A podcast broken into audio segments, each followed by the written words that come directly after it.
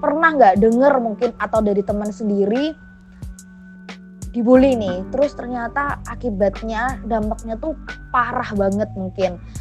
Sampai uh, bunuh diri lah atau apa segala macam kayak gitu. Pernah nggak? Vanessa pernah nggak uh, denger kayak gitu?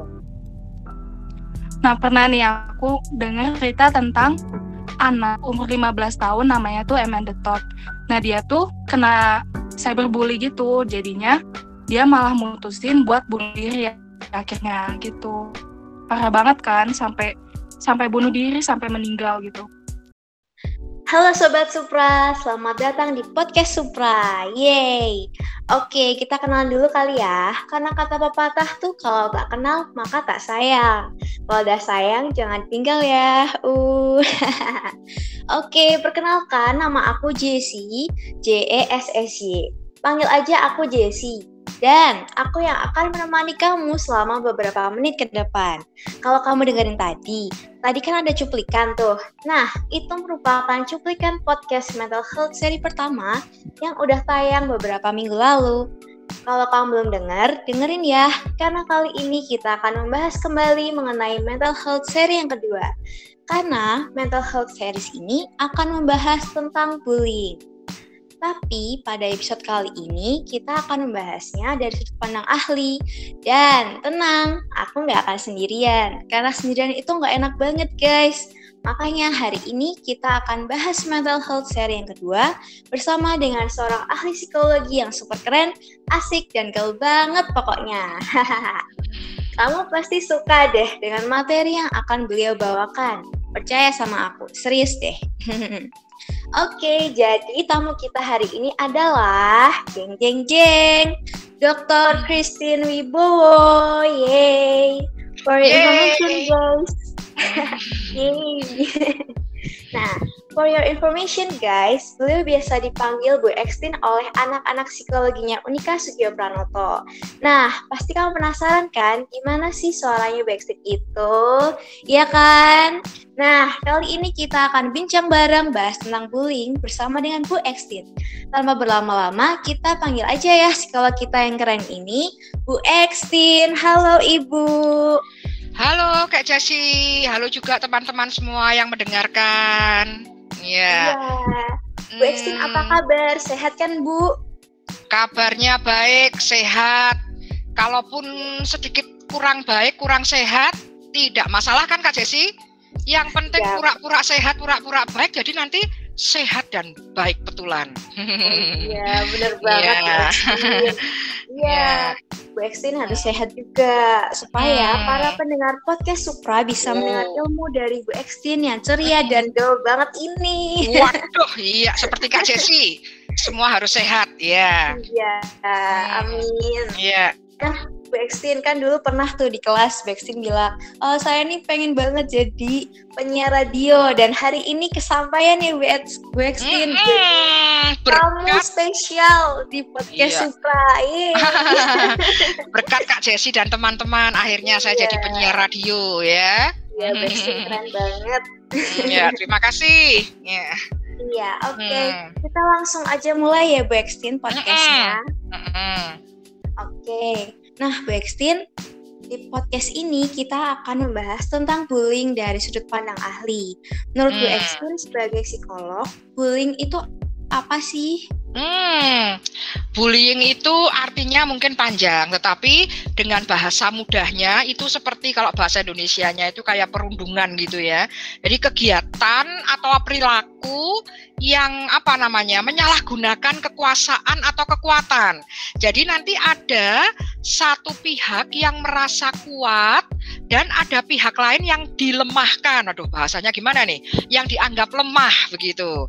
Nah kemudian yang kuat ini kemudian melakukan banyak hal yang tidak di apa tidak diharapkan oleh si korban. Begitu misalnya ada kekerasan dalam bentuk verbal dalam bentuk perilaku menendang memukul mungkin begitu atau mungkin pelecehan secara verbal ya dasar kamu tuh bodoh gitu-gitu. Sehingga sampai si korban ini eh, kegiatan sehari-harinya terganggu Kak Jesi Jadi Ah, kalau iya. misalnya Bu Ekstin dibilang bodoh, jelek, tua, tapi kalau Bu Ekstin tetap bisa melakukan kegiatan sehari-hari, ya nggak apa-apa sebetulnya. Tapi yang jadi masalah adalah karena si korban ini jadi merasa, aduh, aku takut ya berangkat ke sekolah, aku males ke kampus. Jadi kegiatan sehari-harinya dia merasa terganggu. Nah ini disebut dengan perilaku yang bullying tadi. Itu kira-kira Iya. seperti itu ya. Ya, jadi Hmm. bullying itu salah satu perbuatan tercela ya Bu Ekstin. Oh, oh tercela mirip-mirip ghosting lah. Bullying Iya. itu nggak baik, ghosting juga nggak bagus. ya, mirip-mirip Iya, begitu. Sederajat. Hmm, dapat merugikan korban dan memberi Oh. pengaruh buruk bagi pelakunya. Pokoknya nggak bagus banget ya Bu Ekstin ya. Mm-mm, mm-mm, mm-mm. Itu Nah. baik mm-mm, baik pelaku maupun korban jadi terganggu. Jadi yang terganggu itu sebetulnya nggak hanya korban, tetapi si pelaku itu juga ada gangguan-gangguan tertentu gitu. Seperti itu. Jadi dua-duanya itu nggak ada yang benar. Dua-duanya sama-sama salah. terimbas ya Ekstin. Mm-mm, mm-mm, Iya. gitu. Ya, Oke. Nah, Nah, Ekstin, mm, kan ada banyak sekali nih Bu jenis bullying yang kerap dilakukan baik di sosial Hmm. media maupun mm, dunia nyata ataupun real life. Nah, Bu, mm. eh, apa saja nih Bu jenis-jenis bullying yang sering terjadi akhir-akhir ini? Mm-mm. Ya tadi yang saya sudah sampaikan sedikit, ada yang bentuknya perilaku, jadi kayak perilakunya itu seperti kekerasan gitu ya. Jadi eh, si korban merasa tidak nyaman karena ini kalau perilaku tuh ya emang karena agresif ya, dipukul, dijambak, dijewer dan sebagainya begitu. Itu kalau anak-anak kecil biasanya ya. Tapi biasanya pada anak-anak usia yang lebih besar itu biasanya bullyingnya yang didapat itu lebih ke verbal, ke verbal, oh kamu gendut, kamu bodoh. Nah, itu. Jadi secara fisik maupun secara verbal itu kena semua. Atau seperti kalau orang bilang seperti perang urat syaraf ini. Ah, mungkin tidak langsung dapat kekerasan fisik maupun verbal, tapi penek- tekanan-tekanan tertentu gitu ya. Ada ancaman-ancaman tertentu. Jadi eh, ya itu, iya itu perang urat syaraf itu Kak Jesi. Jadi misalnya awas tuh ya, kalau kamu deket-deket dengan pacar saya, wah, padahal pacaran aja belum, ngaku-ngaku aja. Tapi ya ada kan yang itu. Tapi awas loh ya, kalau kamu deket-deket dengan eh, Kak Jesi, awas kamu begini begini begini ya. Ada ancaman tertentu ya, ancaman-ancaman sehingga membuat ke korban ini menjadi nggak nyaman. Demikian juga adanya pemerasan secara finansial, awas ya kalau nggak bayarin. Nah, gitu-gitu. Itu penting sekali ya. Oh, Jadi, iya. mm, terutama di media sosial Dari seperti yang Kak Jesi Iya. bilang tadi. Ada body shaming ya itu. Nah, cyberbullying juga ya betul, banyak sekali jenisnya. Gitu. Sampai ada temennya Bu Ekstin sudah tua ini sampai takut untuk Instagraman karena ada yang dia bilang pengintai itu. Jadi kalau dia posting sesuatu langsung nanti komennya jahat banget gitu. Nah, sehingga dia sampai menutup akun Facebook dan akun Instagramnya karena dia malu nanti Iya. kalau di komen jelek. Jadi banyak sekali hal-hal itu. Pokoknya yang penting bikin si korban ini menjadi tidak berdaya itu pasti sudah termasuk dengan bullying.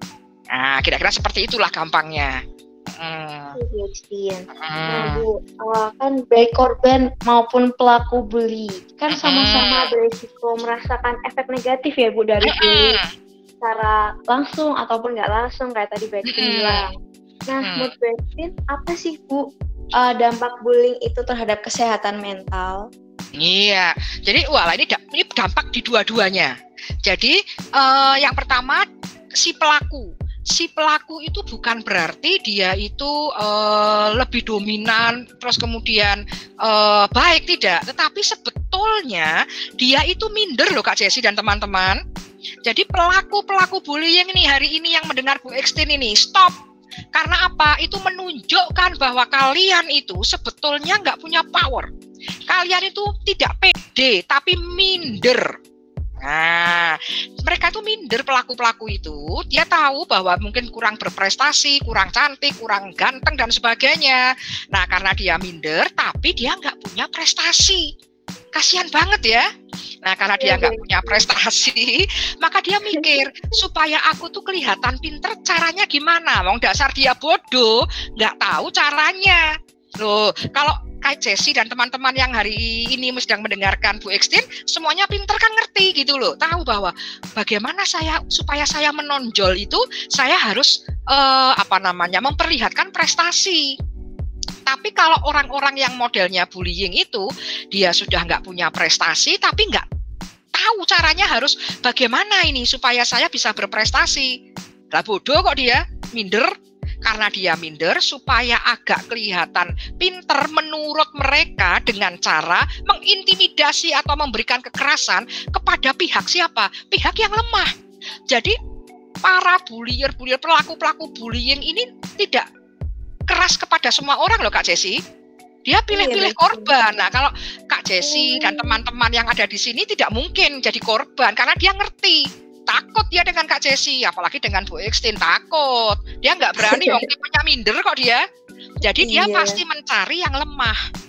Nah, maka orang-orang yang uh, pelaku bullying ini karena minder lama-lama dia akan mengalami suatu gangguan begitu. Nah, bagi si korban si korbannya ini juga bukan berarti bahwa dia itu selalu benar. Kalau terjadi perilaku perilaku bullying, maka yang salah nggak cuma si pelaku, tetapi si korbannya. Lah, kenapa korbannya sama? Tidak pede juga. Nah, kalau si pelaku itu tidak pede lalu agresif, maka si korban itu sama-sama tidak pede tapi pasif. Nah, ini bedanya. ya Bu Ekstin. Hmm, jadi sama-sama Kak Jesse sebetulnya kalau dibilang baik pelaku maupun korban sama gangguannya, sama-sama nggak pede. Yang satu nggak pede jadi agresif, yang satu nggak pede jadi pasif. Kemudian dia eh, apa-apa takut begitu, pasif banget. Terus ini loh, hmm, apa ya istilahnya ya masokis. Waduh, istilahnya apa ini? Ah, iya pernah ah, dengar itu Bu Ekstin. Nah, apa itu ayo masokis itu? Lawannya sadis ya itu di dalam gangguan perilaku seksual sebetulnya tapi ini Bu Ekstin kasih ilustrasi gitu ya jadi si pelaku itu tidak pede, agresif, alias sadis gitu gampangannya ini istilah untuk gampang aja. Nah si korban sudah nggak pede, pasif, masokis. Jadi seperti menikmati kalau disiksa. Waduh ini, waduh repot banget ini. Gangguan ya, ini berarti. Mm-mm. Itu udah harus datang ke psikolog ya Bu Ekstin ya. Harus, ya. datang harus. Bu Ekstin. Nah, datang ke teman-teman psikologi juga nggak apa-apa, mahasiswa psikologi bisa bantu ini bahwa ternyata iya. si korban ini nggak harus menikmati apa menikmati sakit itu gangguan itu. Dia jadi kayak fobia kebahagiaan. Waduh, istilah apa lagi nih? Jadi kalau orang-orang yang korban itu potensinya karena dia merasa kalau bahagia itu justru dia merasa bersalah. Jadi dia seneng kalau menderita. Kalau orang Semarang bilang kok ono ya wong kaya ngono. Ono, lah nyatanya ada itu. Jadi yeah. dia justru merasa merasa apa ya merasa bahagia kalau menderita karena dia berpikiran bahwa cinta itu harus menderita waduh apalagi ini kalau yang melakukan adalah pacarnya Uh, itu udah nah, salah banget ya Bu Ekstin ya. Salah. disebut dengan cinta itu rela menderita bukan itu sebetulnya. Tapi uh, dia sobat mikir. Supra dengerin. Oh ya, supaya supaya nggak jadi di ghosting juga ini. Karena ada yeah. ada uh, apa filosofi yang keliru. Dia bilang bahwa cinta itu harus menderita. Jadi ketika dia ditampar, diejek dan sebagainya, dia bilang ini bukti cinta. Alah gombal salah jangan itu mau. jangan mau. Itu masukis itu gangguan gitu. Iya, cinta iya. rela berkorban bukan itu artinya bukan begitu maknanya gitu. Jadi bukan terus disakiti. Nah karena si korban ini kemudian kayaknya kok senang disakiti ya si pelaku jadi semakin menyakiti maka supaya tidak e, menjadi korban maka uh, setiap kita itu harus tahu prestasinya, harus percaya diri bahwa Anda itu layak untuk dicintai dengan baik gitu. Jadi, jadi si pelaku bullying nggak berani. Jadi ingatlah, pelaku bullying itu tidak akan melakukan kekerasan kepada semua orang, tetapi dia ngeliat-liat. Nah, yang dilihat itu adalah orang-orang yang lemah. Iya. Orang-orang lemah, masokis, nggak berprestasi, nggak mudengan, diajak ngomong nggak apa ya, nggak nyambung. Nah itu, itu korban yang empuk untuk dibully. Ya, jangan dan, mau ya guys, buat jadi korban mm, jangan mau kan. Jangan mau. Up. Betul. Iya, bisa Betul. Okay. Nah, selain gangguan Nah. itu Kak Jesse daripada saya lupa nih Iya. saya ngomong lagi nih. Oke. Nah, itu jangan juga beda. Nah, calon-calon korban gimana, Bu? Nah, itu dia. Calon-calon korban bullying itu karena nampak beda. Unik itu boleh. Halo, eh, sahabat Iya. Supra nih, ya. Unik itu boleh. Unik itu di prestasi. Misalnya Kak Jessi pinter masak. Nah, Bu Extin bilang, wah saya unik kok, saya nggak bisa masak, itu boleh. Lah Bu Extin pinternya apa? Pinternya ngomong, boleh gitu, boleh, itu unik. Jadi unik itu di prestasi. Tetapi di perilaku sehari-hari jangan aneh. Aneh itu beda dari standar umum. Perilakunya loh itu. Perilakunya itu jangan aneh. Jadi misalnya kalau ke kampus, contoh pakai bajunya seperti apa? Seperti Kak Jessi hari ini. Loh, ini teman-teman rapi nggak ya, lihat Kak. Extin. Betul, nggak lihat Kak Jessi, tapi Bu Extin lihat Kak Jessi itu rapi. Lah, kalau teman-teman semua rapi, ya kita rapi. Jangan teman-teman rapi terus kita eh penampilannya nggak Nanti baik. Spotlight. Nah, ya itu, ya kan? Lah karena berbeda itu wagu aneh. Jadi unik oke, aneh no. Kok ini ada yang namanya unik oke ya? Mohon maaf ini. Iya. Oh, ya. Jadi kalau unik oke ya, unik itu di prestasi, tapi kalau aneh di perilaku, aneh di baju, aneh di hal-hal yang terkait dengan kehidupan sehari-hari, teman-temannya kerja kelompok dia nggak mau misalnya. Nah, itu aneh Kak Jesse. Nah, itu potensi Iya, aneh banget. Mm-mm. Itu potensi, Bu. Banyak yang kayak gitu mahasiswa. banyak ya. Waduh, janganlah. Oh, tapi Ah. bukan saya, bukan Oh, juga ya sama Sobat Supra, bukan ya? Hmm, Oh ya. Ah.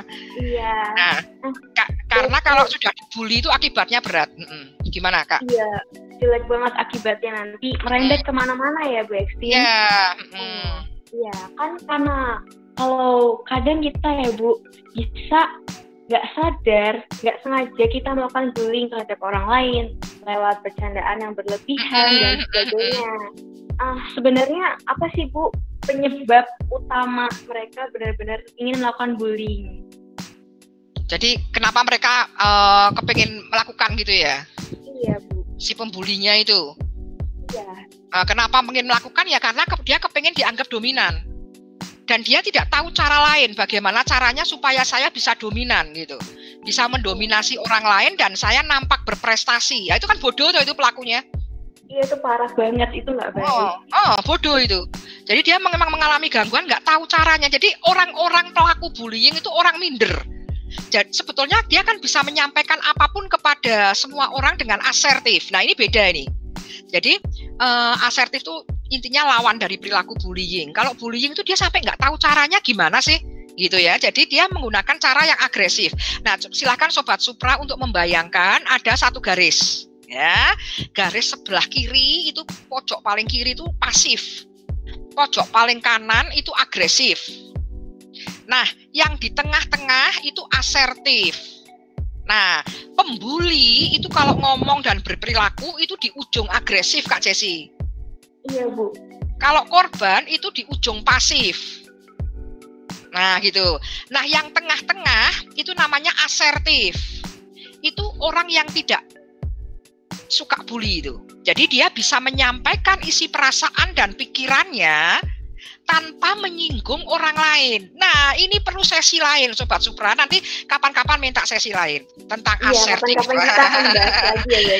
Iya, itu. Jadi supaya nggak bully itu orangnya harus cerdas dan bijak. Dia ada di posisi tengah yaitu asertif. Bisa menyampaikan pikirannya sehingga orang lain paham dengan pikirannya.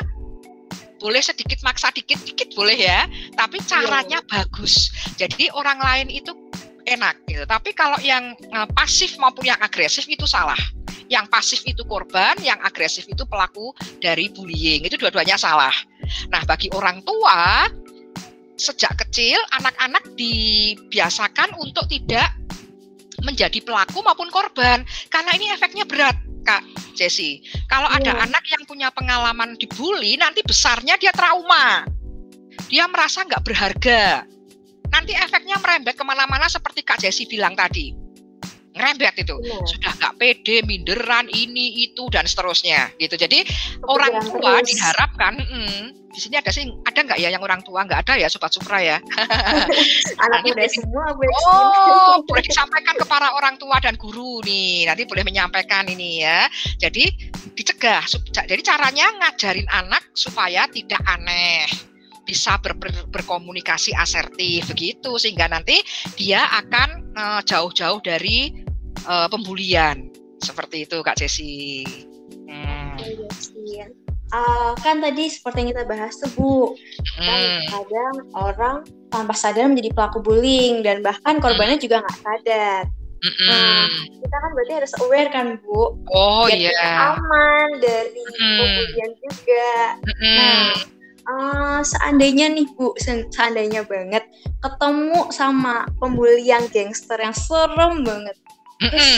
Eh, gimana sih Bu cara aman untuk kita bisa melawan bulinya dia? Oh, Seandainya iya. kepepet banget nih Bu. Tolong tipsnya ya Bu. Aduh, aduh, aduh. Ini angel nih. Memang ada ya yang sampai gangster di dunia nyata gitu ya. Lihatnya kok cuma di drama Korea dan di sinetron ya. kalau ada, me kalau memang itu terjadi ada, mestinya yang takut harusnya pelaku, bukan Oh, kita. Bestin. Kok bisa? Iya. Lah, yang pelaku yang salah kok kita yang takut. Ah, Ayo. Iya. Iya, pelaku, jadi pelakunya harus yang takut, kitanya jangan takut lah. Kenapa kok sampai eh, seseorang itu jadi korban? Karena itu loh, sudah ngerti bener tapi takut. Jangan. Eh, pepatah lama mengatakan apa Kak Jesse? Berani karena benar, ya kan?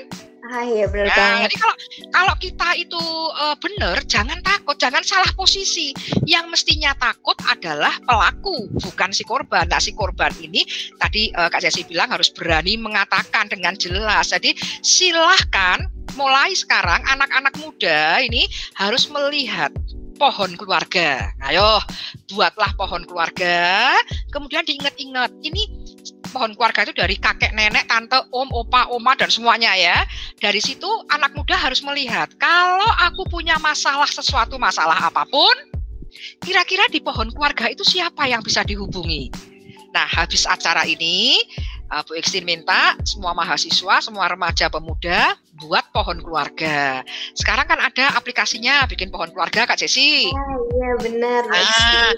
Dibuat, diisi, ada ayah, ibu, papa, mama, kakek, nenek, opa, oma, Iya. siapa pun. Kemudian diingat-ingat dari bisa itu. Nanti dikumpulin ya ke Bu Ekstin ya. Oh Wah, iya, dosen nanti banget ini. Kita bikin yang mirip kayak keluarganya Pohon Cemara. Oh, keluarga Cemara. Ah, ah, betul. Pertanyaannya itu pas di kelas. Oh inget ya Kak Jesi ya. Oh Ingat ya terima kasih itu. Ah, ah. Nah itu dibuat. Kemudian untuk apa gunanya? Untuk mengingatkan kepada kita kalau ada kesulitan kita tuh ke siapa? Boleh ke ayah ibu, boleh ke om tante. Kita langsung tu- tujuannya ke sana. Begitu. Jadi kalau ada persoalan ke sana. Nah, selain itu coba di scan dukungan sosial teman-teman. Teman-teman itu siapa ya? Dari dosen, dari teman siapa ya yang bisa dimintai bantuan? Nggak harus pakar atau ahli. Siapa pun bisa. Orang Yang yang, menurut- dipercaya ya, Bestin. Hmm, yang menurut saya dipercaya. Jadi ketika kita ada sesuatu, kita bisa langsung kontak ke orang-orang ini. Jangan takut, jangan takut. Yang mestinya takut harusnya pelaku. Nah, jadi Iya. jangan dibolak-balik kok malah kita yang takut. Nanti kalau kita takut, ingat loh, ini baik pelaku maupun korban biasanya akan melewati siklus kayak lingkaran begitu, Kak Cesi.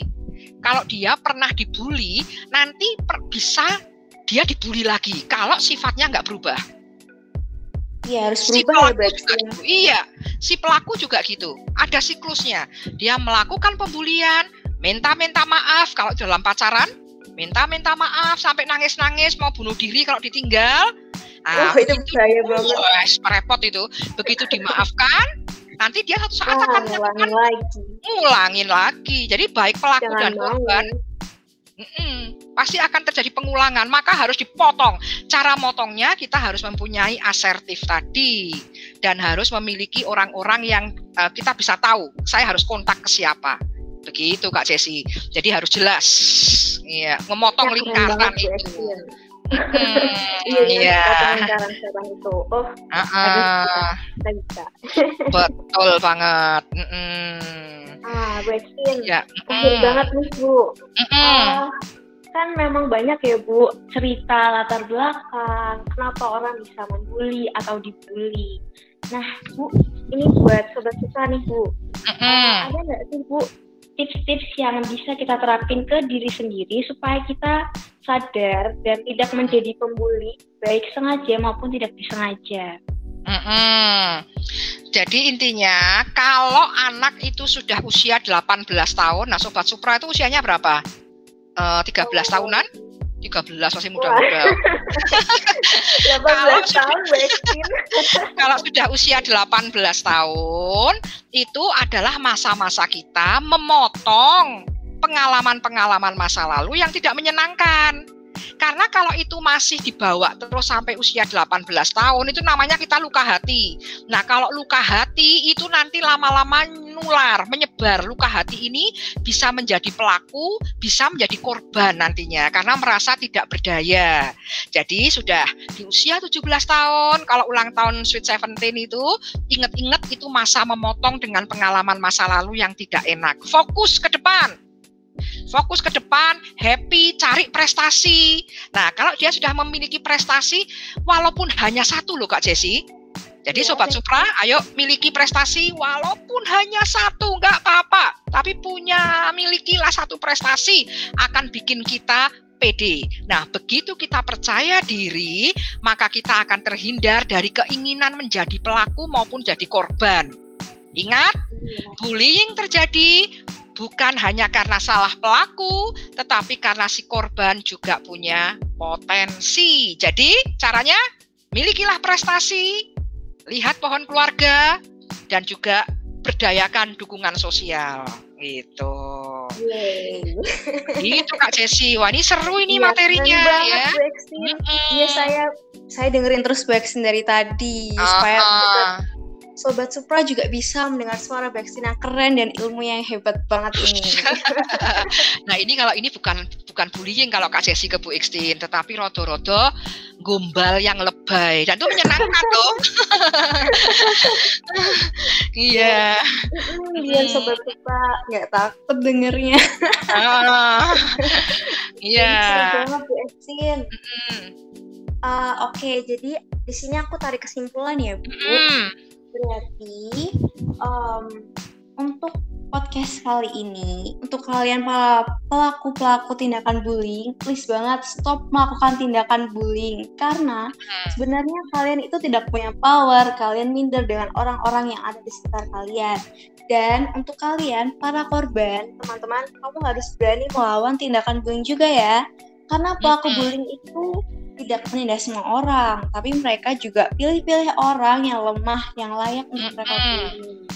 Nah, kalian, teman-teman, guys, kalian juga harus percaya diri dan bertingkah atau berperilaku yang sewajarnya.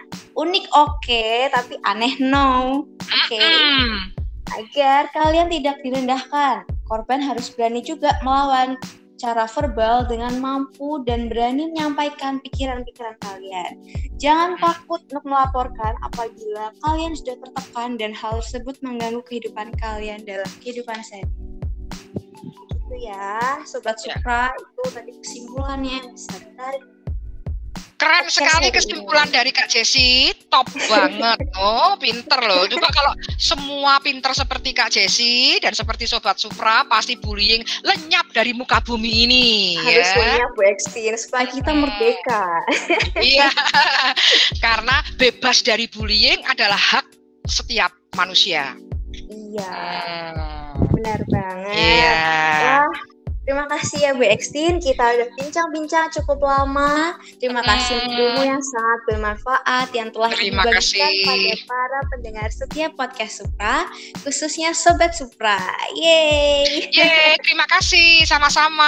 Stop bullying Iya. ya, katakan no pada bullying. Iya. No untuk bullying. Nah, Mm-mm. Buat kamu Sobat Supra yang kepo dan dengan kegiatan atau aktivitas sehari-harinya Bu Ekstin, kamu boleh banget follow Instagramnya Bu Ekstin. Gimana Bu Ekstin?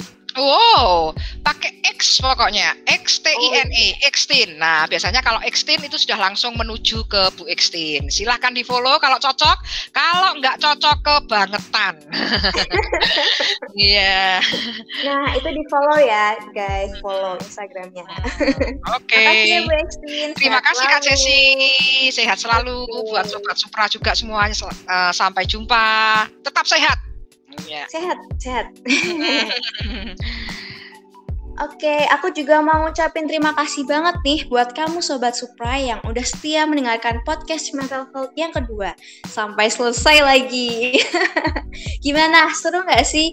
Apalagi podcast kita kali ini ditemani oleh ahli psikologi yang sangat kece badai, keren, dan gaul pokoknya. Hmm. Nah, teman-teman, eh, aku juga mau sampaikan nih buat kamu semua yang belum mendengarkan podcast-podcast atau konten menarik lainnya, kamu bisa dengerin ya, karena dijamin bakal seru, asik, dan mengedukasi tentunya. Di mana tak lain tak bukan di Spotify-nya Supra Podcast. Gitu ya guys. So, aku Jessie pamit undur diri. Sampai ketemu di podcast berikutnya. Sampai jumpa.